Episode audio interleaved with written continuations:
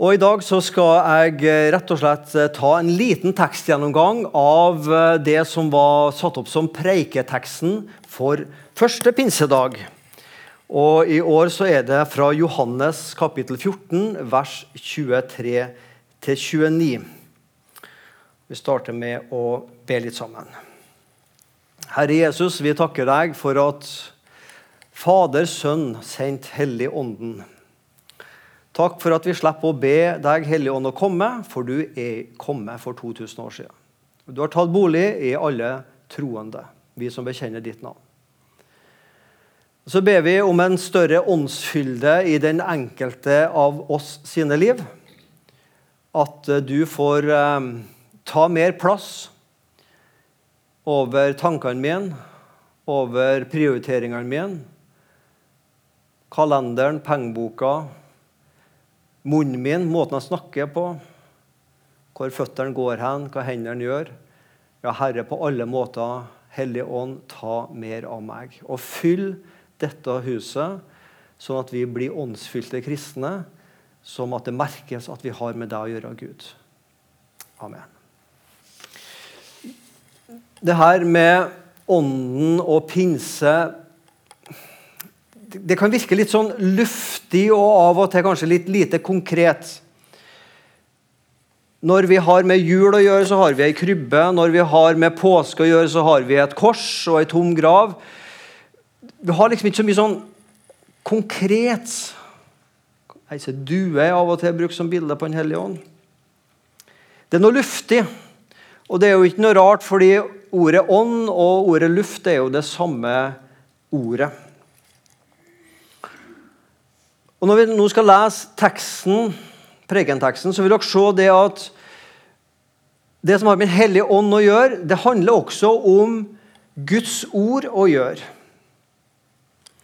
Og Da går vi rett på og så leser vi det som står fra Johannesevangeliet, kapittel 14, vers 23-29. Dette er en tale som Jesus holder på skjærtorsdag til sine disipler. Egentlig en lang tale, fra kapittel 14 til og med kapittel 17. 14, 15, fire kapitler, ikke sant? Eh, heldigvis så var det noen som om ikke de hadde med seg PC-en, så hadde de i hvert fall med seg og notert hva Jesus sa. Og takk og lov for det.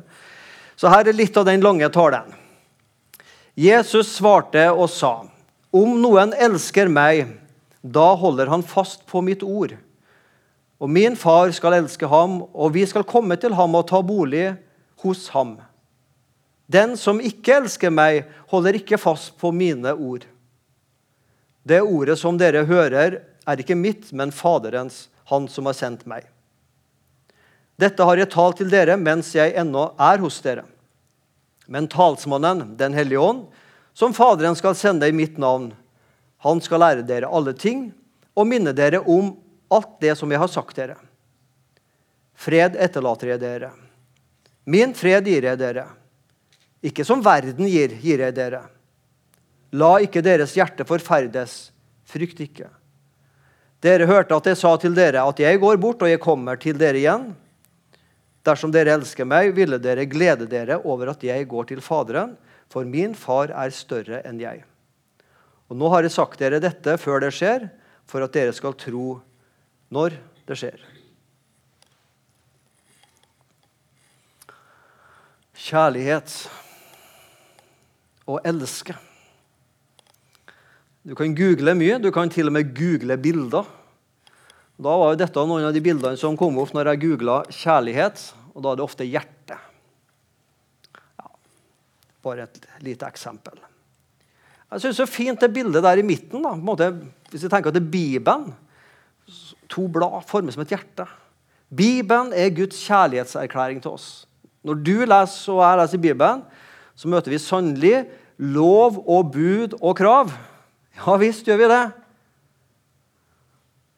Men vi møter Guds kjærlighet i Jesus Kristus. Og Det at vi i hele tatt er samla her og har hørt om Guds kjærlighet, og at Guds kjærlighet er viktig for oss, det er fordi at Den hellige ånd holder ryktet om Jesus levende blant oss 2000 år etterpå.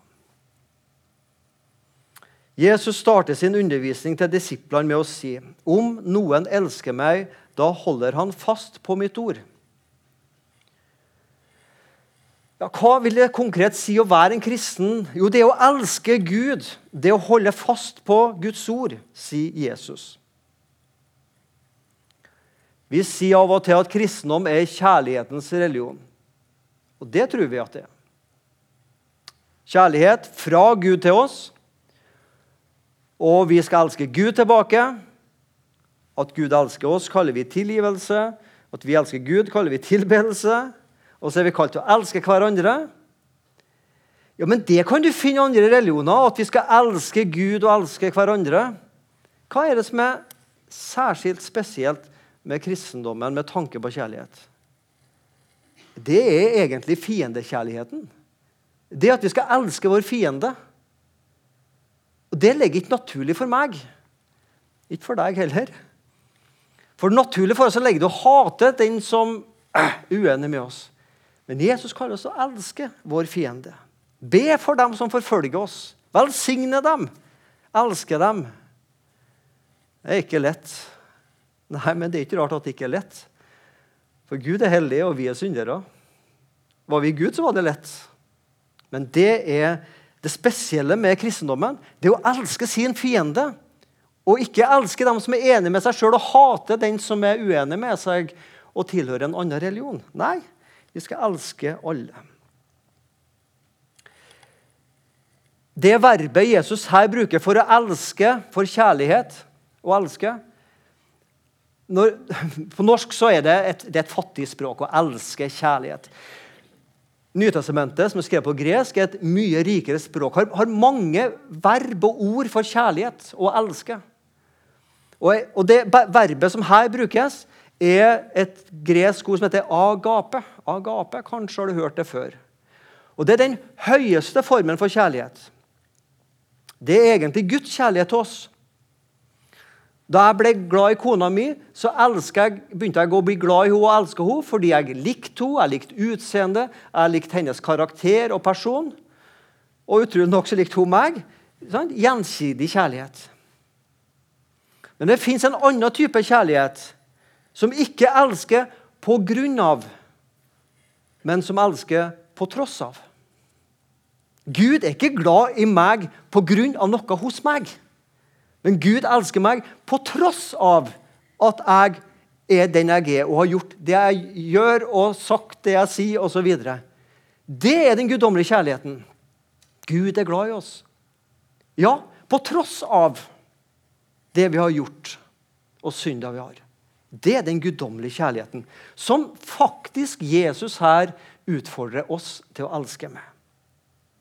Altså, Jesus legger jo lista veldig høyt. da. Den ligger så høyt at jeg uten problem kan gå under uten å rive lista. ikke sant?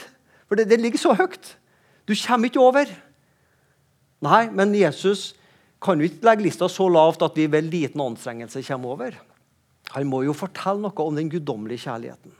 Det er den han utfordrer oss på. Hm. Hva vil det si å elske Jesus? Jesus sier det sjøl. Den som elsker meg, holder fast på mitt ord.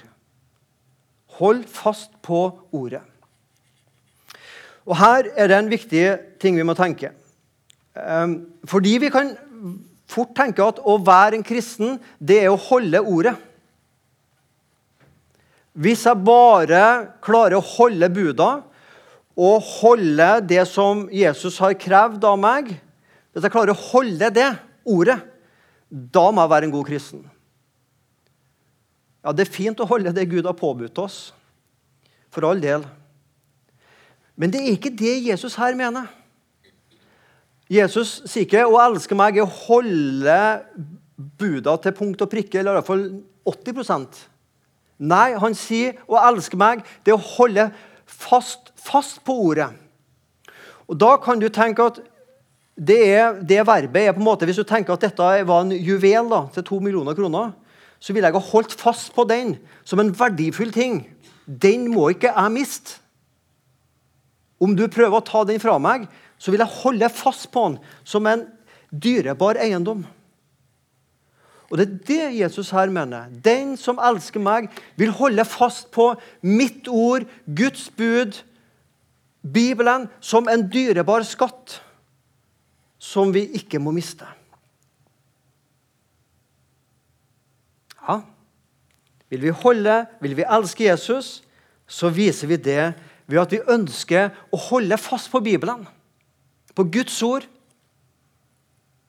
Det er ikke vanskelig å holde fast på Guds ord om å elske. Det høres jo flott ut. Men hva når det koster å holde fast på Guds ord? Å følge Hans gode vilje når det koster meg noe? Eller når det går mot det som til enhver tid er det politiske korrekte? Tro på Guds ord og en vilje til å være lydig mot Guds vilje, det er testen på om vi er sanne disipler. Når det koster å holde fast på ordet. Ta vare på og bevare det som en dyrebar og umistelig skatt.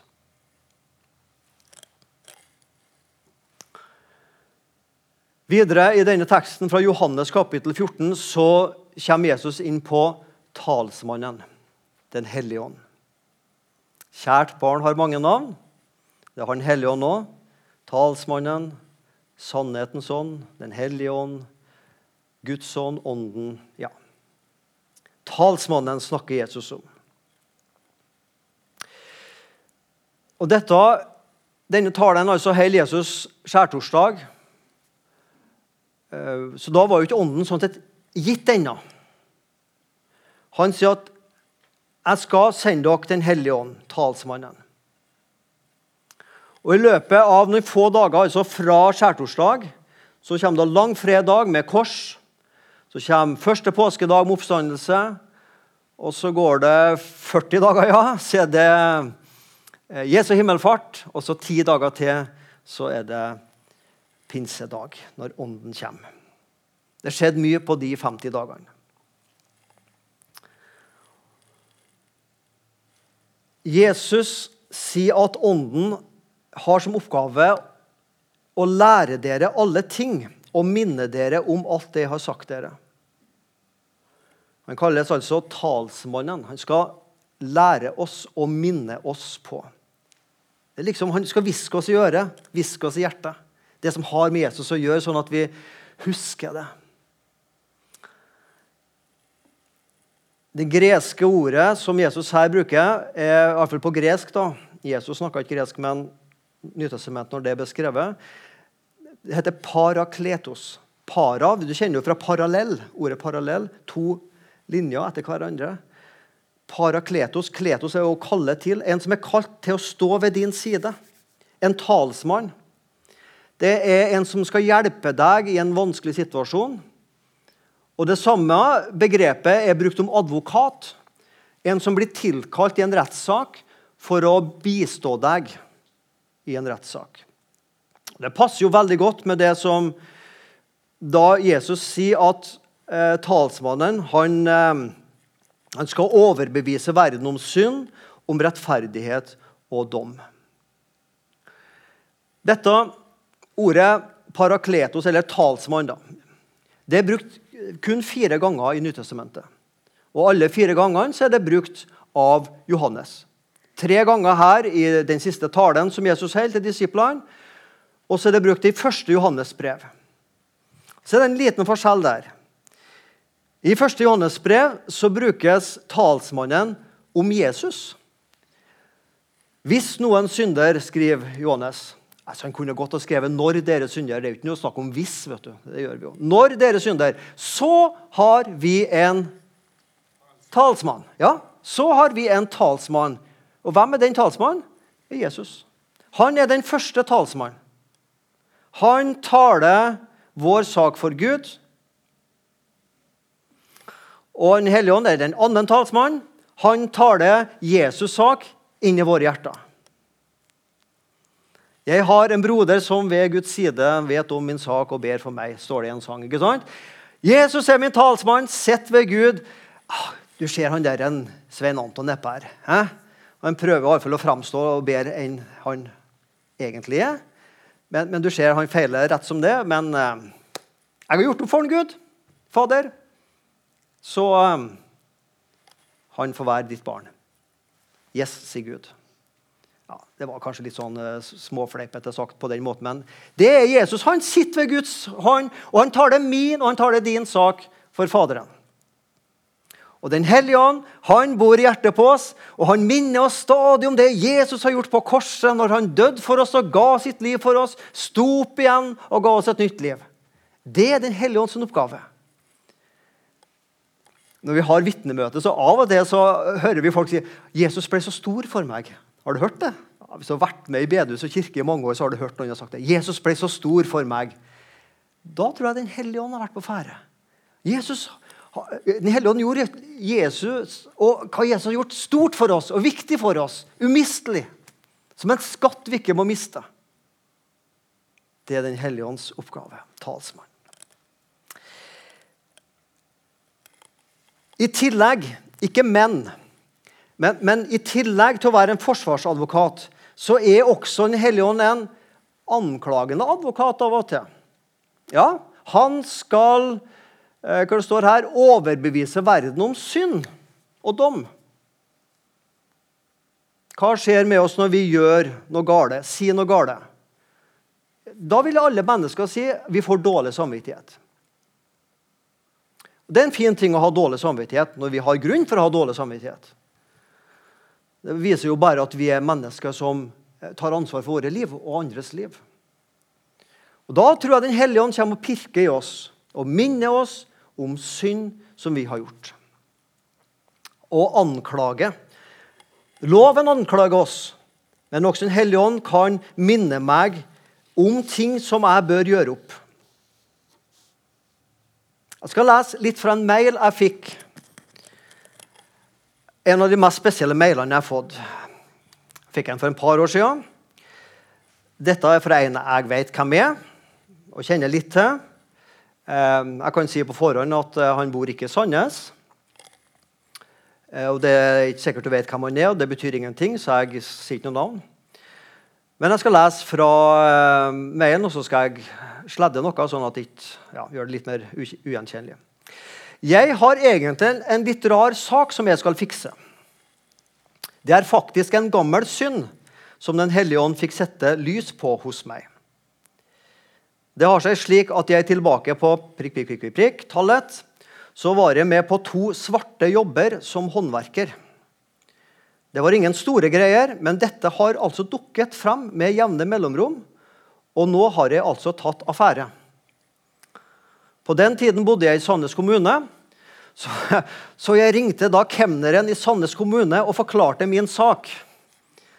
Jeg vet ikke om kemneren i Sandnes kommune får mange sånne telefoner om folk som jobba svart for en del tiår siden. Men det gjorde han, han her. Etter litt frem og tilbake så sa kemneren at jeg skulle gi et fastsatt beløp til en organisasjon, lag eller forening som bl.a. driver frivillig arbeid i Sandnes kommune. Da var det at det dukket opp dette med Misjonshallen i Sandnes og det nye bygget her. og sånn. Dette er altså ikke mer enn så og så mange kroner. Det, det er sum, en sum her, altså. Men jeg vil gjerne gi det til dere. Så på vår konto så kom det inn da en eh, grei sum, som da er for eh, svart arbeid for en del tiår siden. Så eh, all grunn til takk for denne kameraten min. Takk til kemneren i Sandnes som foreslo det. Og takk til Den hellige ånd som minna på han etter så mange tiår. Ja, Vi kan le litt av det, men vi kjenner oss igjen. Og jeg er ikke bedre, jeg. Jeg var i slutten av eh, ja, overgangen barn-ungdom, tidlig ungdomsår i hvert fall. Så tok jeg 100 kroner av tanta mi. Det var på den tida man hadde pengebok med sånn lapper oppi som det sto tall på. Husker du det? Penger. Jeg tok en hundrelapp. Skulle sikkert ha det til noe snop eller noe spill. eller et eller annet. Betyr ingenting. Eh, jeg visste jo at det var feil, men jeg gjorde det likevel. Så gikk liksom året, og så Tante mi møtte jeg jo ganske ofte. da. Men Av og til så, liksom, så kjente jeg liksom at det, eh, Kanskje jeg skal si det til henne. Nei, jeg kan ikke. Altså, det er jo flaut. Selvfølgelig det er det flaut. Lang historie kort. Jeg tror det gikk sikkert 20-30 år. Men for noen år siden i fall, da, så tenkte jeg jeg må fortelle tante mer her. Så en dag så var det bare hun jeg som satt. og Hun er jo blitt gammel etter hvert. da. Så sier jeg du, tante, sa jeg. Tante Ragnhild. Jeg må fortelle noe. Så fortalte jeg da at jeg i slutten av barneår, overgangen til tenåring, hadde rappa 100 kroner av henne. Og hva gjør hun da? Da går hun bort til skuffa, tar fram pengeboka si, tar opp pengeboka, tar opp en 500-lapp, og så gir hun meg 500-lappen. Så sier, hun fordi Sven som du innrømmer at du gjorde det der, så skal du få 500 kroner til meg. Så min første tanke var er det flere ganger jeg har rappa penger av henne? det var det jo ikke. Men. Uh, så jeg smiler jo litt av det, men så er jeg ferdig med det. Ja. Så Den hellige ånd kan komme og minne oss på sånne ting. Og ikke avfeie det. Ta det med deg. Så får det være opp til deg hvor detaljert vi skal være. Vi skal jo ikke gå rundt og bekjenne Hvis jeg hadde en dårlig tanke om deg, Leif, så skal ikke jeg gå uten videre og fortelle det til deg. Altså, vi skal jo ikke si alt vi har tenkt og gjort. og sånn. Det, det, det, blir feil. Men når vi virkelig har gjort noe såra et annet menneske eller gjort en sånn konkret ting, så, så, og Den hellige ånd minner oss, så la oss være lydige. Den hellige ånd overbeviser om synd. Siste jeg skal ta fram fra søndagens tekst. Fred etterlater jeg dere, min fred gir jeg dere. Når Jesus bruker ordet fred, så handler det om noe annet enn fravær av krig eller en sånn følelse av stillhet og ro. Det er viktig, det òg, men det er noe annet Jesus mener. Fred, Guds fred, etterlater jeg dere. Og Vårt dilemma, dilemma, vårt problem, er jo at vi egentlig er i en krigstilstand med Gud, med våre synder. Så, så har jeg jo såra Gud og er på en måte i en krigstilstand med han og trenger å komme i en fredsforhold til han. Og det er mitt ansvar, for det er jeg som har ordna det til sånn at det ble gale. Men så makter vi ikke. Så kommer Jesus med sin fred. Og tenk her På skjærtorsdagskveld så preiker Jesus dette. Min fred gir jeg dere. Fred etterlater jeg dere.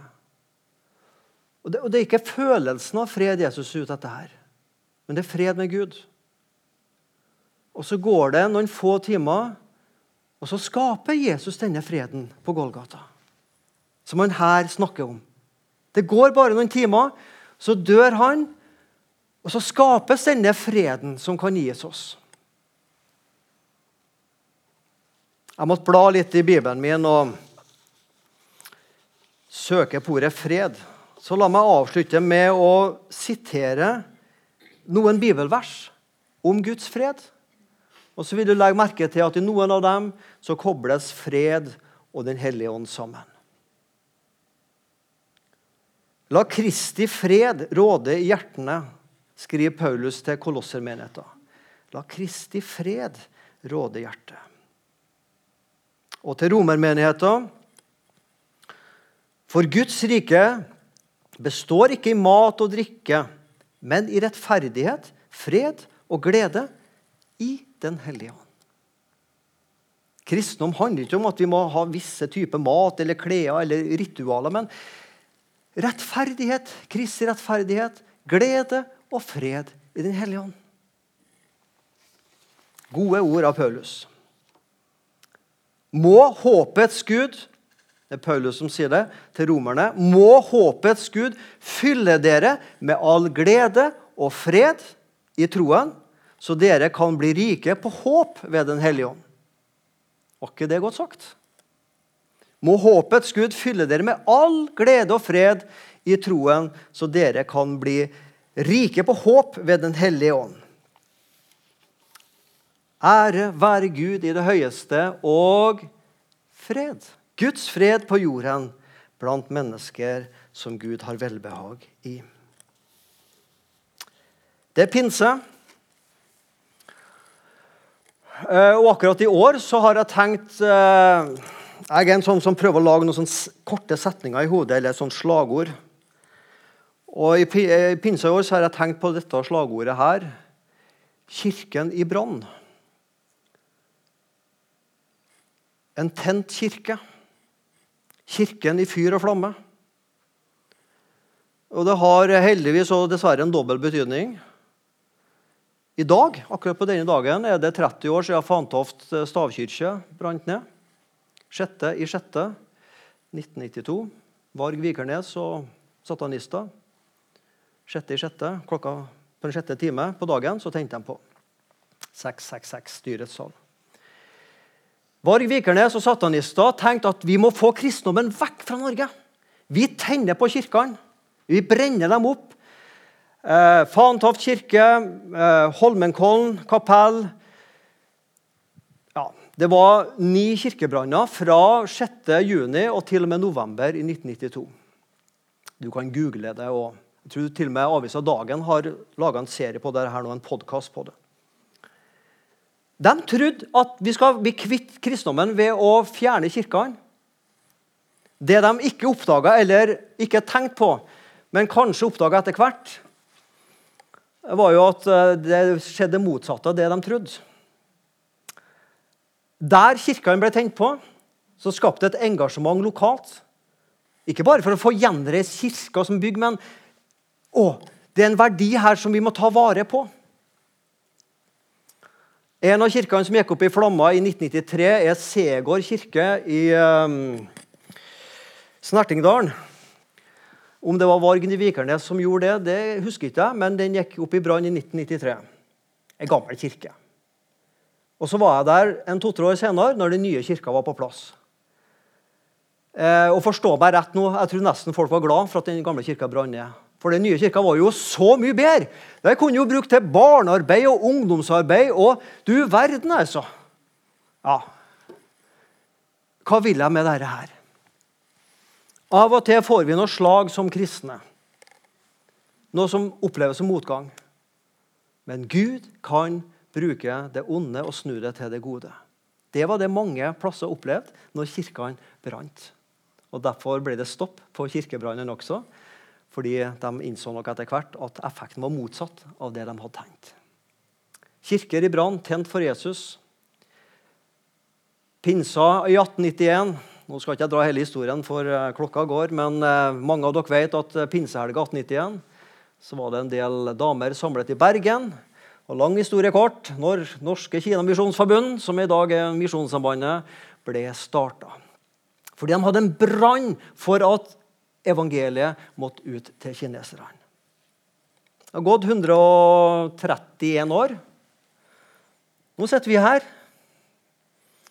Er vi tent i brann? Om 131 år så sitter mine oldebarn kanskje her. for hva vet jeg. Er brannen fortsatt til stede da? Det får være opp til dem, men nå er vi her. Er vi tent i brann? Der Hellige Ånd er kommet.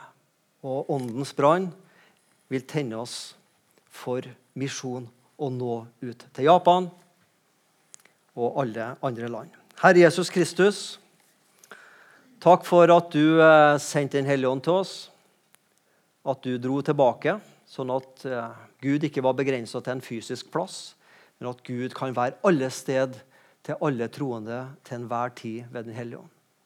Og tenne oss på ny i brann for deg, sånn at eh, folk som omgås oss og har med oss å gjøre, kan merke at du, Jesus, ved Den hellige ånd, bor i våre hjerter. Amen.